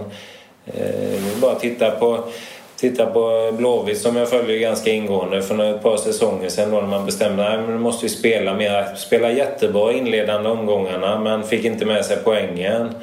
Eh, och då blir det helt plötsligt, då får man börja tänka om och så får man... I år har det varit lite tvärtom. Det har varit lite halvknackigt spel i inledningen men man har tagit poängen och ser stabila ut. Nu är det jätteläge att bygga nästa steg. Så det, någonstans så känns det som att poängen först och därifrån så kan man, kan man bygga vidare. Eh, på något sätt känns det också som att, jag menar både du gick ju ner och spelade ytterback från, varit ytter, Micke Nilsson gjorde ja, Tar man upp det med Sebastian Larsson, jag vill absolut inte spela högerback. Alltså, det kändes som att kanske det fanns en annan anda i, i landslaget och samhället i stort som vi har pratat om innan. Förstår du vad jag menar? Ja, jag, jag är helt eh, med dig. Eh, ja, just de här fallen vet jag inte men, men om man tittar på ungdomar, alltså generellt så är det ju så att man tänker mycket mer på sig själv. Det börjar ju i mycket tidigare ålder. Alltså det är jaget före laget i många fall istället för tvärtom. Och det är klart, i framgångsrika lag, jag menar även om man tittar på de här Eh, ja, de allra bästa lagen som då tittar på VM senare, Argentina har en Messi men då har man en Mascherano som gör kanske grov... Alltså det, det, det, behövs båda typerna och det kanske har varit svårare nu på sistone att hitta de här som gör det andra. Alltså, eh, det var väl lite samma sak eh, såg jag om jag spelar på höger och Ljungberg på vänster. Jag insåg att Ljungberg är nu kanske vassare i djupled och liksom från att ha varit en ganska offensiv spelare så blev jag mer och mer defensiv. Men det hade ju också med att göra hur balansen i landslaget såg ut. Att man tog ett större defensivt ansvar för att det fanns andra som kanske... Alltså att det, det gynnade laget. Och det är väl det... Alltså ska du ha framgångsrika lag så måste du, tror jag, ha båda typerna. Men hur får man fram det? Vad, vad gjorde att du underordnade dig? Och det finns ju många andra exempel på det. Ja, det handlar väl om personligheter eh, och liksom, liksom hur man är uppväxt och vad, vad som är viktigt. Eh, eh. Sen är det ju också, alltså det är ju lite grann en åldersfråga. Ju, man tittar på en sån som Anders Svensson också liksom kom fram som en ung, väldigt kreativ. Han är fortfarande kreativ men längre bak i planen. Det blir väl ofta så att man man lär sig med, efterhand också med, med åren. Och det, det, finns ju unga spelare idag också som, eh, som är duktiga, alltså, som är defensivt duktiga. Men det är klart, det, man tittar ju ofta. Och sen finns det ju också, jag tror det finns en press utifrån folket och från, kanske från media också. Eh, på att man vill se de kreativa, de ska vara i startelvan. Och, eh, Lagerbäck, eh, det var väl inte ofta tidningarna tyckte att det var samma lag. Jag var sällan med i tidningarnas startelva men jag var oftast med i Lagerbäcks startelva utan någon anledning. Och det, eh, för mig var det viktigare än, än vad folk är ut. Men, men det är ju mer, det är inte så konstigt. Alltså, om jag själv sätter mig på en och titta på en fotbollsmatch i alla fall om man inte har så starka kopplingar. Det är klart man vill se, det är kul att se kreativa spelare men om du är tränare och ska ta ansvar för resultaten eh, eller ansvar för hur det går så, så är det klart att du tar ut det laget du tror har störst möjlighet att få ett bra resultat. Och sen kan ju det vara... Eh, det var ju lite olika. Jag hörde podden med, med Chippen till exempel. Ja, och, eh, Eh, Eh, ett tag var det ju lite grann så att när vi mötte lag som eh, eh, ja, där vi förväntades föra spelet så ibland spelade han istället för mig som yttermittfältare och ibland i matcher där vi kanske förväntades och inte föra matchen så spelade jag liksom. Det, och det någonstans så får man ju acceptera det alltså i en lag. Alltså, eh, det var ju Lagerbäcks tro att det skulle vara det bästa för just den matchen. Det är inte så att han eh, tar ut det. Men varför acceptera? För det känns ju också som en liten eh, idag en generationsfråga att man läser spelare som tycker att men varför spelar jag inte där? Då kommer jag inte hem överhuvudtaget till yngre U21 eller vad det nu må vara. Det känns som att ni accepterade det, eller fler accepterade det. Ja, men acceptera, det är klart man var besviken. Alltså, alla ville spela varje gång. Eh... Jo, men acceptera i den form att man inte lämnade landslaget eller att man inte liksom talade ut. Och... Nej, men jag, jag, vet inte. För mig var det så. Alltså, jag, var inte, jag var inte speciellt positiv första gången jag hörde att jag skulle spela back. Liksom. Men någonstans, det är klart jag jag spelar ju hellre back i en startelva än att sitta på bänken. Så, så är det ju. Och jag ser ju hellre... Alltså om jag, om jag tittar i det större perspektivet så vill jag ju någonstans att laget ska gå, gå bra. Men jag vet inte, det, det har väl med... Vissa har den mentaliteten. Alltså jag tror det har med personlighet att göra. Alltså hur man är, hur man är som person. Och, eh, sen någonstans, alltså visst jag kan ju ibland känna själv att om det är något jag skulle ändra så på det stora hela är jag ganska nöjd med, min karriär. Men om det är någonting lite så kanske det är att man skulle varit, tagit för sig ännu lite men varit lite tuffare. Ibland var jag kanske lite för snäll. Men in, inte i den aspekten men kanske ibland vågat lite. Inte kanske... Kan du ta något konkret exempel? För jag hade faktiskt den frågan att du var för snäll. Det var en bild som jag också hade lite att du underordnade dig för mycket. Ja, ja, det vet jag inte om jag underordnar men, Nej, men just det här med att man... Jag kände väl i, i Vissa har ju förmågan att, att, koppla bort kanske allt runt omkring. Alltså oavsett vad som händer. Det kan vara värsta turbulensen vad det gäller allt annat. Ändå klara. Alltså, jag var väl kanske... Jag mådde bra utav tryggheten där lite. Alltså när jag kände där när jag sista tiden i Everton där så, så blev jag en mycket sämre spelare för att jag tappade självförtroendet. Och där skulle man kanske varit lite mer, då hörde man liksom från läktare och sådär lite. Alltså man, man kom in i den fasen där. Ehm, men det är också, det handlar om personlighet och ibland är det svårt att ändra på det men men eh, ibland önskar man ju att man bara hade ja, struntat i vad alla tyckte och så bara kört på. Samtidigt var det det som gjorde mig till den spelaren jag var. Att jag hade ganska hög lägstanivå och det var väl att jag... Ja, jag, jag gillade inte att slå felpass till exempel. Alltså, eh, eh, och ibland kanske man gör det enklare då. Men jag tror kombinationen också.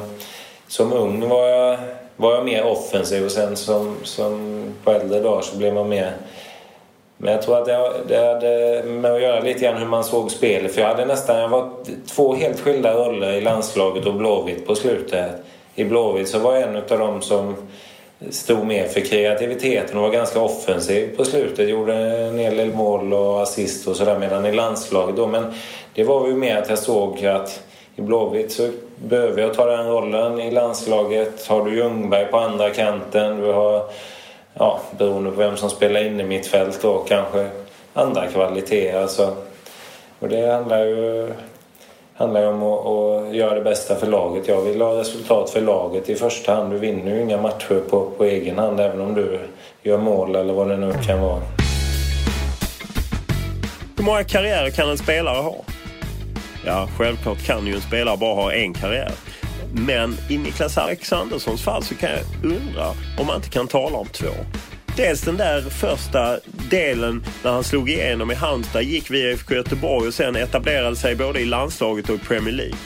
Innan det tog stopp. Och det slutade med att han satt på bänken i Everton och lånades ut till West Ham och det försvann från landslaget och det kändes som att det var stopp. Men det var det ju inte. För istället kom han tillbaka till IFK Göteborg och gjorde på nytt avtryck och tog sig in i landslaget och spelade mästerskap och var i en form som, ja, kanske till och med bättre den andra delen av karriären än den första delen. Och dessutom fick han kanske ta en annan position. I landslaget spelade han ju back medan han i IFK Göteborg fick lite andra roller och skulle kliva framåt. Eh, det är ju lite kul med folk som kan resa sig och få ny fart på karriären och inte ge upp. Du är ju eh, IFK Göteborg på något sätt ändå så... Jag menar, du kom från Västerbro och spelade väldigt många säsonger i Halmstad BK. Varför blev det Blåvitt? Du spelade bara ett par år där innan du stack ut i Europa. Det som hände var väl egentligen, jag vet inte om jag, jag har inte pratat så mycket om det men eh, jag hade sju fantastiska år i Halmstad. Eh, det som hände när jag lämnade där lite grann var att jag blev lite besviken på... Eh, ja, det var ganska mycket... Eller det fanns ett missnöje hos vissa personer i Halmstad att det blev Blåvitt, att jag inte gick ut utomlands direkt och så vidare. Var det Stig Nilsson då? Ja, en utav dem. Och det, man får ju se det. Halmstad var ju hans allt och han ville föreningens bästa. Men i det här fallet så, så ja, var det väl vissa grejer som gjorde att Ja, det var inte lika roligt att komma tillbaka dit eh, efter det som hände. Det ska sig helt enkelt för... Ja, men lite grann så att de, de satte en liten tagg. Sen det i kombination med att när jag kom till Blåvitt så trivdes jag fantastiskt bra. Och eh, var ju där i två säsonger och flyttade ut sen. Sen skadade jag ju korsbandet första jag gjorde och då då blev det, jag körde rehab, fick hjälp utav IFK med Leif Svärd och körde rehab hos IFK. Liksom, banden knöts helt enkelt och varje sommar blev det att vi åkte till Göteborg och jag, jag fastnade där och sen blev det liksom, känslorna blev starkare och starkare för Blåvitt tills att då när det var dags att flytta hem då kände jag liksom jätte eh, att det var Blåvitt jag ville till och då var väl tanken att det skulle bli en två, tre säsonger. Jag var ju ganska osäker på var jag stod och så vidare men eh, nej, det, det, växte ju starkare och starkare för varje år då. Hade du någon kontakt med Halmstad under åren du var ute? Eh, Eller så na, blev det klipp? Nej, det var väl alltså no några personer sådär. Och eh, liksom idag, jag, inget, jag tycker det är kul om det går bra för Halmstad och sådär. Men det, det blev lite, det var... Det fanns en... Ja, det blev ett lite abrupt eh, ungefär som... Han vill ha mer, Halmstad vill ha mer betalt helt enkelt? Nej, men han hade väl hellre sett att, eh, att jag hade gått till någon klubb utomlands och sen... Eh, För då, då var det ju några år när det var rätt infekterat. De köpte Robert Andersson ju och ja, vann var... ändå SM-guld året efter. Och, ja. äh, det var ju, då var ju Halmstad faktiskt i paritet med Göteborg på något sätt. Ja. Och det var rätt ansträngt. Det måste varit en rätt laddad flytt. Ja, men innan var det inte så. Alltså, ehm, då hade ju Blåvitt... Alltså, det, det, var ju inget svårt. val, jag ångrar ju absolut inte. Rent fotbollsmässigt var ju det helt rätt. Alltså, snarare än att gå till en osäker liga. Kom till ett eh, Blåvitt med egentligen, alltså det var ett fantastiskt lag. De värvade ju samtidigt som mig Teddy Lucic, Andreas Andersson som också var landslagsspelare. Till ett lag som redan hade vunnit SM-guld en massa till ett lag som i stort sett hade landslagsspelare också på alla positioner. Ehm, så det var ju, bara det var ju ett stort steg för mig. Samtidigt som jag var en person som, kanske det vi pratade om innan med tryggheten, var kanske inte riktigt eh, jag var lite sådär hur jag skulle fungera om jag skulle flytta ut liksom själv och, och sådär. Att jag, um, nej, men det, det, var perfekt steg för mig för att liksom, det, få den tuffheten. Ändå få spela Champions League och dessutom gav det mig möjligheten jag vet det som snackades eh, efter Halmstad, det var ju liksom österrikiska klubbar och liknande. Nu efter två säsonger i Champions League i Blåvitt så blev det Premier League istället. Så det, med facit i hand så var det ju helt rätt. Eh, sen eh, var det väl bara olyckligt att, eh, att det blev lite sådär. Men det... La det sig någonsin liksom med Stig Nilsson som ju tyvärr... Ja, det tycker jag. Och det, Eh, alltså sen, sen var det mer kopplat alltså till att jag trivdes så bra både i Blåvitt och i staden Göteborg då så att, att det blev naturligt att hela tiden återvända dit när man var ledig på somrarna och att man följde dem. Och I och med att det var det senaste laget jag lämnade också så hade jag ju kompisar som spelade kvar i Blåvitt och som man hade mer kontakt med än, än de i Halmstad då. Hur, ser du på Blåvitt idag? Jag menar, det, det har ju bytts väldigt mycket folk. Ordförande, klubbdirektör, ny sportchef Mats Gren. Man sparkar Micke Stare trots en andra plats och tog in eh, Jörgen Lennartsson. Vad är din bild? Eh, nej, men det är ju alltså... det, det, ser ju annorlunda ut. Alltså, hade det varit för fem år sedan så hade man inte trott kanske att man skulle ta in eh, massa danskar och massa spelare på lån och så vidare. Samtidigt gäller det att hitta vägar nu. Det ser inte likadant ut eh, som det gjorde när jag var där till exempel. Och svenska spelare försvinner till de nordiska ligorna och det är ju, jag menar, eh, skattemässiga skäl och, och annat som, som bidrar där. Eh, Eh, det viktiga och utmaningen är väl att fortsätta hitta de här guldkornen som man kan få tag i om de så är utländska men också försöka och det är väl där Blåvitt det, man märker det är svårt för de unga killarna och det, det, finns ju hela tiden Det är ju lite lättare för en lite mindre allsvensk förening eh, eh Jag menar typ Falkenberg eller Norrköping. Vi pratade ju om mina gamla elever innan som har kommit in i Norrköping. Jag tror det hade varit betydligt svårare i Blåvitt för det, det var pressen från eh, supportrar, media att du hela tiden ska vara i toppen. Det, det, blir svårare att få in unga spelare och ha tålamod med det.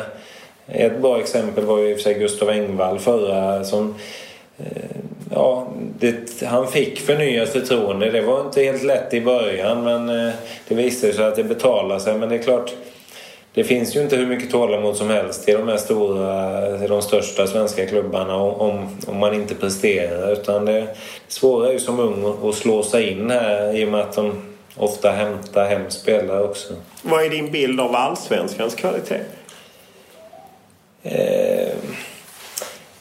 Ja, själva kvaliteten jämfört med andra är svår att, att jämföra. Malmö gjorde det väldigt bra förra säsongen. Jag, jag, jag, tycker personligen ändå att jag tittar ju hellre på allsvenskan än eh, franska ligan till exempel är för mig helt ointressant trots Zlatan då. Alltså jag har väldigt svårt att liksom hitta någon glädje att titta på franska ligan. Jag tittar mycket hellre på allsvenskan alltså med med känslorna och sen eh, är det ju givet att det inte är samma kvalitet som det är där till exempel. Men, eh, men för mig är det också det, alltså den här med att kunna hålla på ett lag och liksom lite känslor. Och man, man, eh, ja, man sitter och man blir frustrerad och man blir glad. Och, alltså det, det blir lite, fotboll är ju mycket känslor också. Och det, det är klart när man har starka, jag märkte ju det själv på från att ha varit en ganska lugn och fin kille på planen sista åren blev man en riktig grinpell. Men det var ju för att man ville så mycket och ville absolut inte, som Håkan Mild sa, man hatar att se de andra vinna nästan mer än vad man själv eh, gillar att förlora.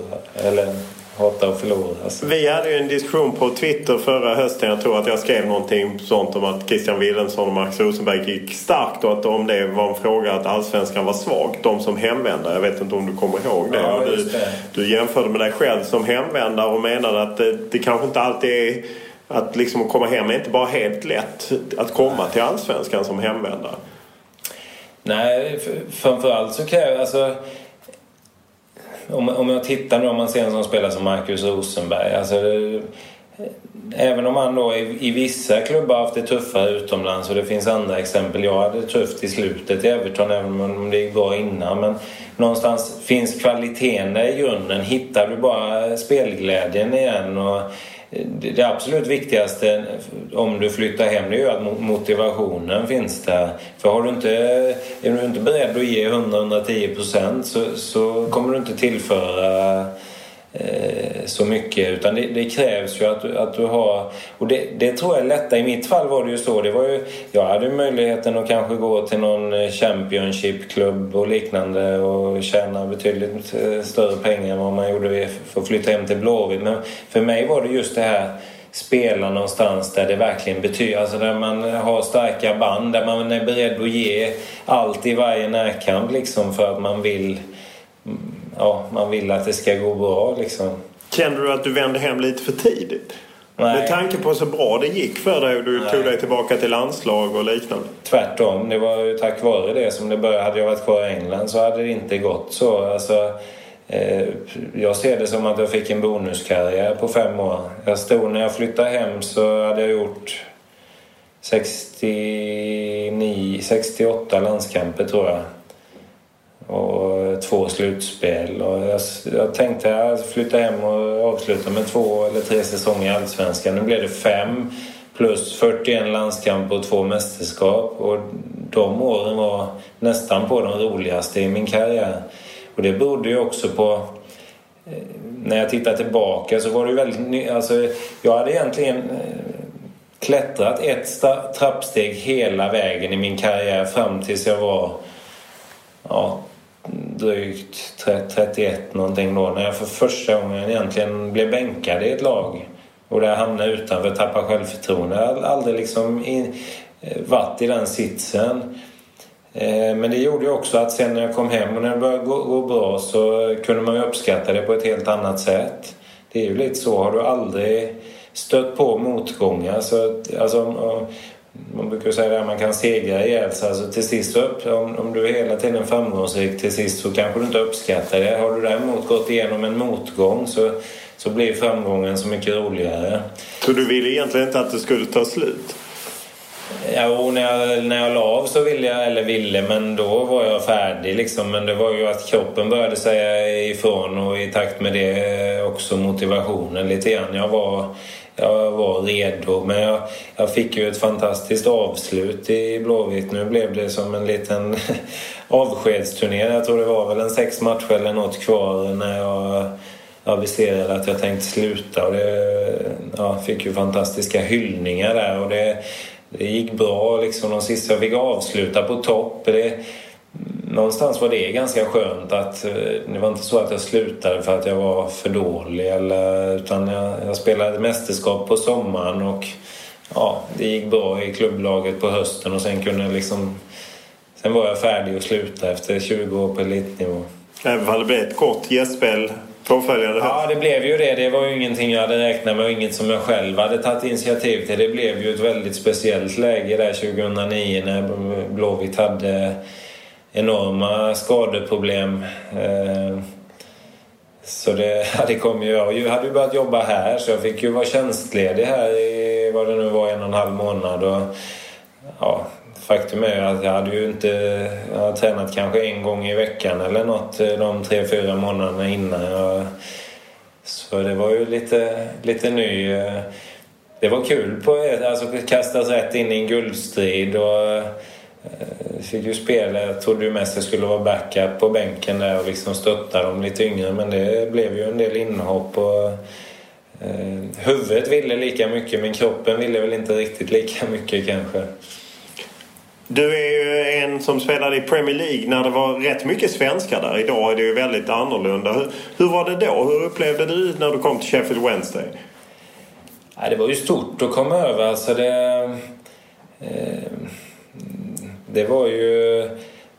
Alltså man märkte ju... Det, då var ju... Nu är det ganska bra tryck här hemma kring matcher på läktaren men då var det väldigt stort steg att åka alltså jämfört med Vångavallen och komma liksom varje vecka eh, på Premier League-arenor och liksom... Ja, nytt och, och, och, stort och eh, högt tempo och sådär.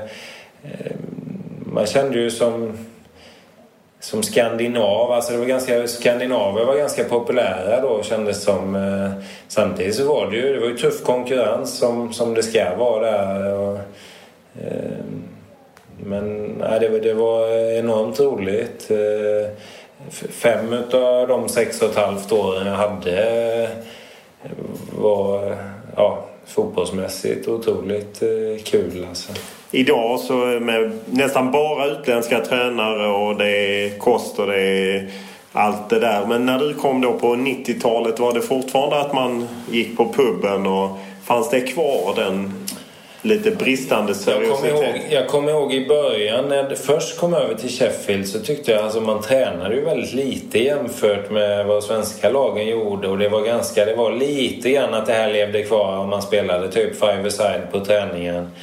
Eh, I alla fall de första åren där.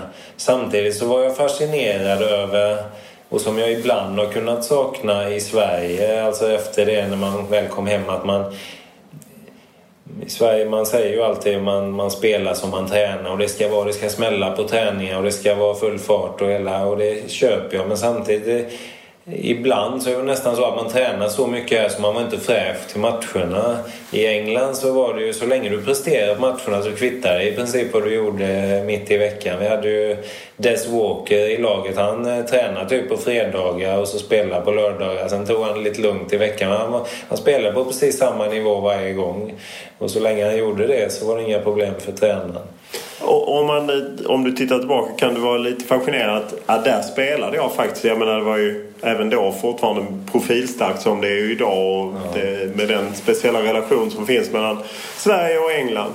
Man har, man har ju sett, alltså, det är ju inte så många svenskar som har lyckats alltså, att vara ordinarie under säsong efter säsong i Premier League. Alltså det, du ska i princip hålla landslagsnivå tror jag. Och det, eh, ja, det, det, har varit tufft liksom. Och, eh, framförallt, det har väl kanske varit fler defensiva spelare. Framför, utav de offensiva så har det kanske varit svårare att, att slå sig in egentligen.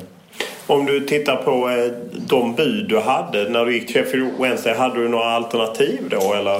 Eh, det det pratades om det var lite på tal med Udinese när jag, eh, veckorna före jag gick till Sheffield. Eh, men det blev aldrig något. Det var lite beroende av att de skulle sälja en spelare och så vidare. Och jag tror med facit i hand att England passade nog mig betydligt bättre både socialt och fotbollsmässigt än vad det hade gjort att, att komma till Italien. Så ehm, nej, det... Och när du bytte från Wednesday så åkte Sheffield Wednesday åkte ut och jag tror att du var bossman då. Eller köpte... Nej. Det var du inte. Du hade ett år kvar på kontraktet ja. och Everton köpte loss dig.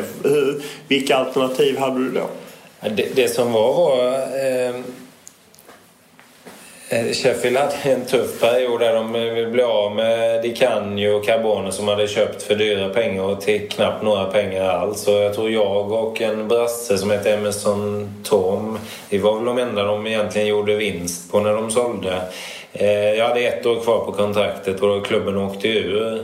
Så ehm, de var väl ganska glada att sälja för att få in de pengarna eh, mot att jag hade varit kvar ett år till. Eh, och dessutom, jag, hade ju ett ganska bra läge för jag, trots att vi åkte ur så var det min klart bästa säsong. Jag fick pris utav fansen som årets spelare i Sheffield Wednesday. och Ja, Everton eh, var, kändes som det största alternativet och det bästa och jag bestämde mig ganska fort för det.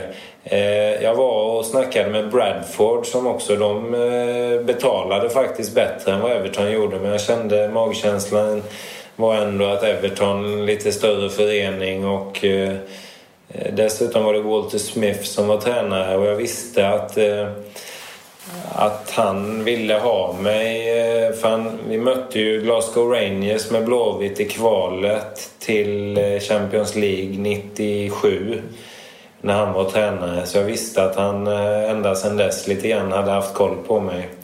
Så, ehm, plus att det är ja, stor förening då. Så eh, ja, det fanns, eh, jag kommer inte ihåg det, jag tror att det var någon annan klubb, typ Coventry eller liknande utav de lite mindre Premier League-lagen som var intresserade. Och just spela för Everton, stor klubb med många traditioner och en del titlar, även om de inte vann något när du var där. Men just då ett Liverpool-derby framstår ju som bland det största som finns. Hur är det att spela ett sånt?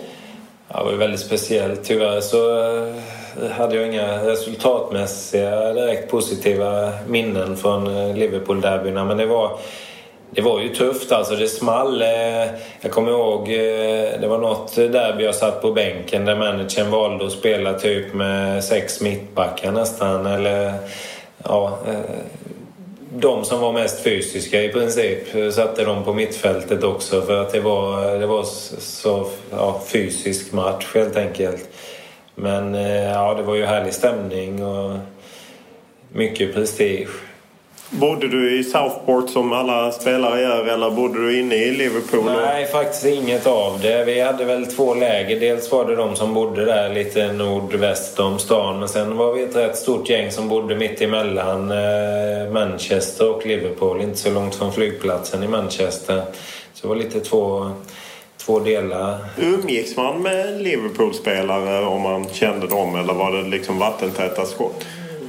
Jag vet inte. I och med att jag inte bodde i Liverpool så jag hade ju inte någon kontakt med några Liverpool-spelare utan det var mer de i laget. Det var, så man märker, rivaliteten är ju kanske starkast för, jag tror den är kanske är större från Everton till Liverpool än tvärtom och det är väl lite grann ändå att det har blivit så att Everton har varit lite lillebror på slutet så är det väl alltid lite så men jag råkade ju ta på, alltså, utan att tänka mig för, en, eh, när jag åkte till träning en gång, bara en vanlig röd tröja på mig.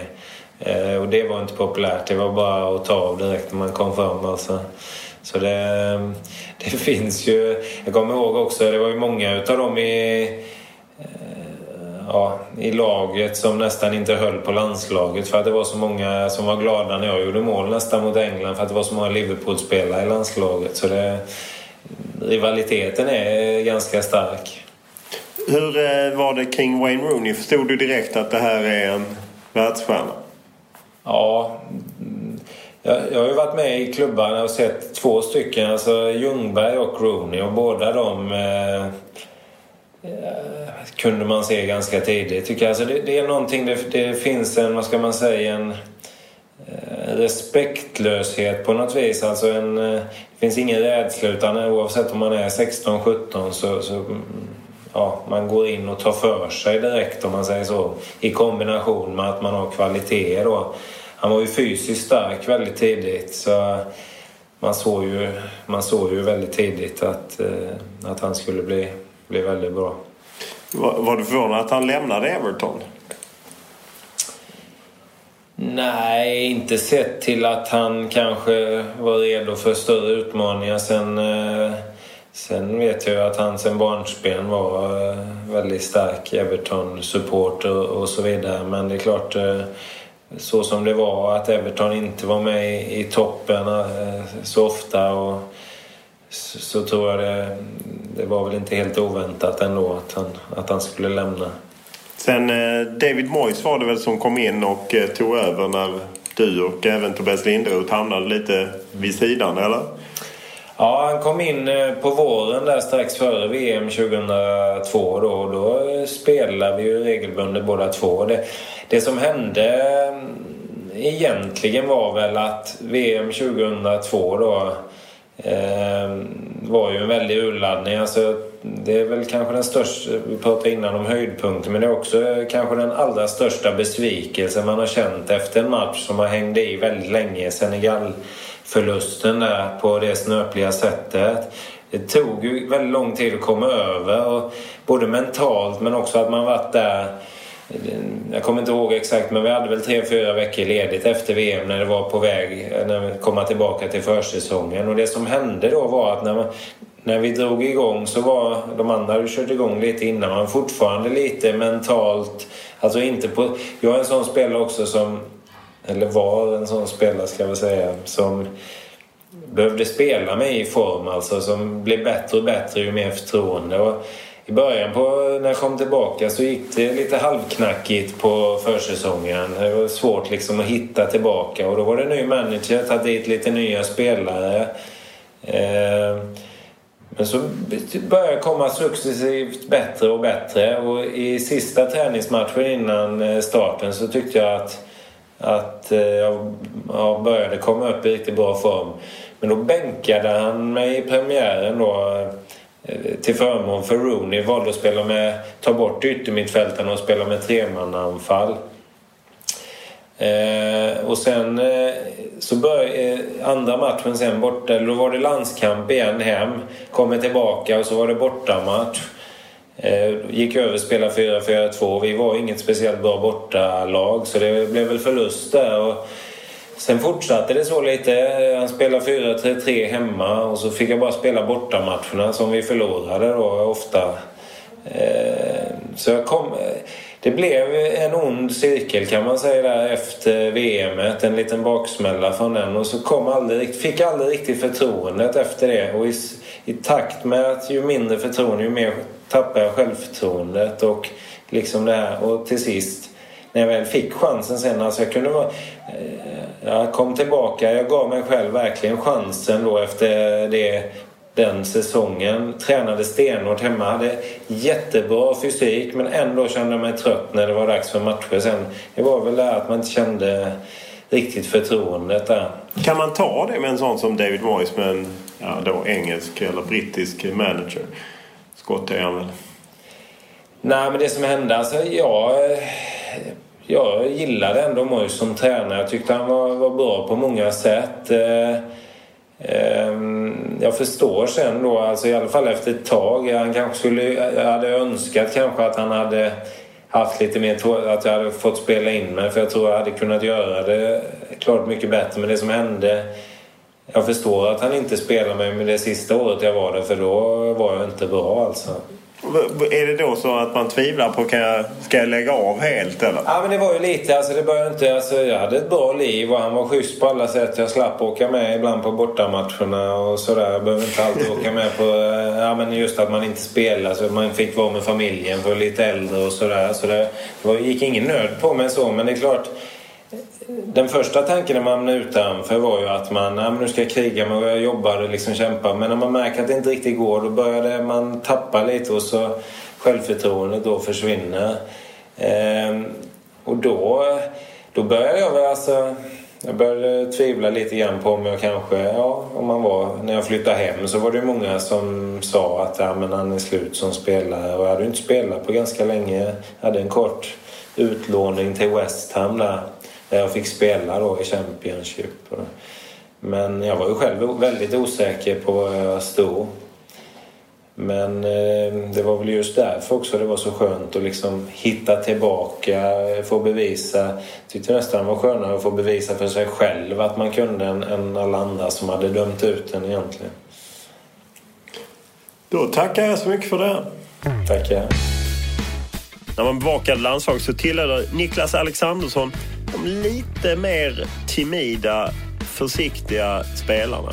Kanske inte den spelare man gick till om man ville ha något riktigt smaskigt rubrikmässigt. Utan han eh, var lika säker på presskonferenserna som han var på planen. Det vill säga att han var en eh, funktionellt skicklig spelare som såg till att eh, minimera misstagen och kröna med en del bra insatser. Alltså det man kanske inte vill ha som journalist men som man kanske skriver ner tidigt i laguppställningen om man är tränare. Men det är ändå oerhört kul att sitta och prata med honom och jag vet att vi hade någon slags Twitter tjafs om eh, skidåkning. Vilket gjorde att jag fick upp ögonen för eh, Alexanderssons Twitter och började följa honom och insåg att han hade en hel del att säga.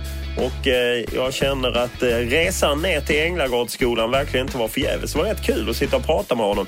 Även om man inte är van vid att han som tidigare när man ställde frågor så kunde man få rätt korta svar. Nu kändes det som att om man ställde frågor nu så matade han på riktigt länge. För han hade någonting att säga och i dagsläget kändes det som att han var inte särskilt rädd för att säga vad han tyckte.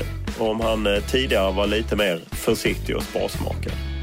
Podden jobbar vidare och eh, målsättningen är att eh, till nästa vecka ha Nisse Johansson, eh, AIK-backen, inför derbyt mellan AIK och Djurgården. Och, eh, det verkar som jag har fått en aik på kroken. De är ju lite svåra i den klubben. Många som kör sarg ut och inte vill vara med eh, av olika anledningar utan att hänga ut någon. Men Nisse Johansson eh, verkar vara på gång så att eh, nästa vecka är det AIKs Nisse Johansson om eh, inför derbyt bland annat. Och podden hittar ni ju när ni hittar poddar. Och framförallt, det är ju så oerhört enkelt att bara googla podd Lund. Ja, så hittar ni alla. Över 50 avsnitt nu, över 3 miljoner nedladdningar. Lite kul att eh, det har rullat på så bra och eh, det gör att jag är sugen på att köra vidare. Så, eh, och kom gärna med era förslag på gäster och kritik och annat via Twitter, Olof Lund. Instagram Olof Lund eller mejl olof.lund.tv4.se. Nu kör vi!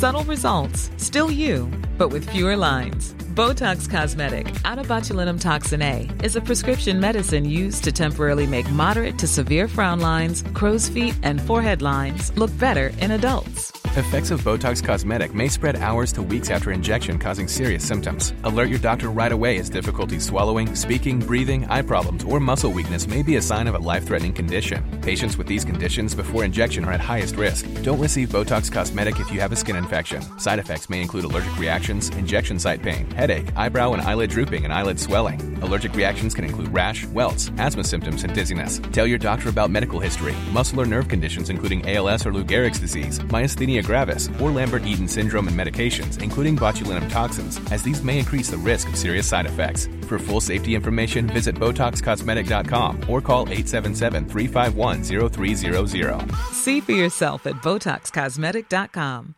Catch those springtime vibes all over Arizona. Break out of the winter blues by hitting the water at one of our lake and river parks. Take a hike among the wildflowers. Just make sure to stay on the trails and leave the flowers for the bees. Discover Arizona's best kept secret and visit azstateparks.com slash amazing to start your springtime adventure.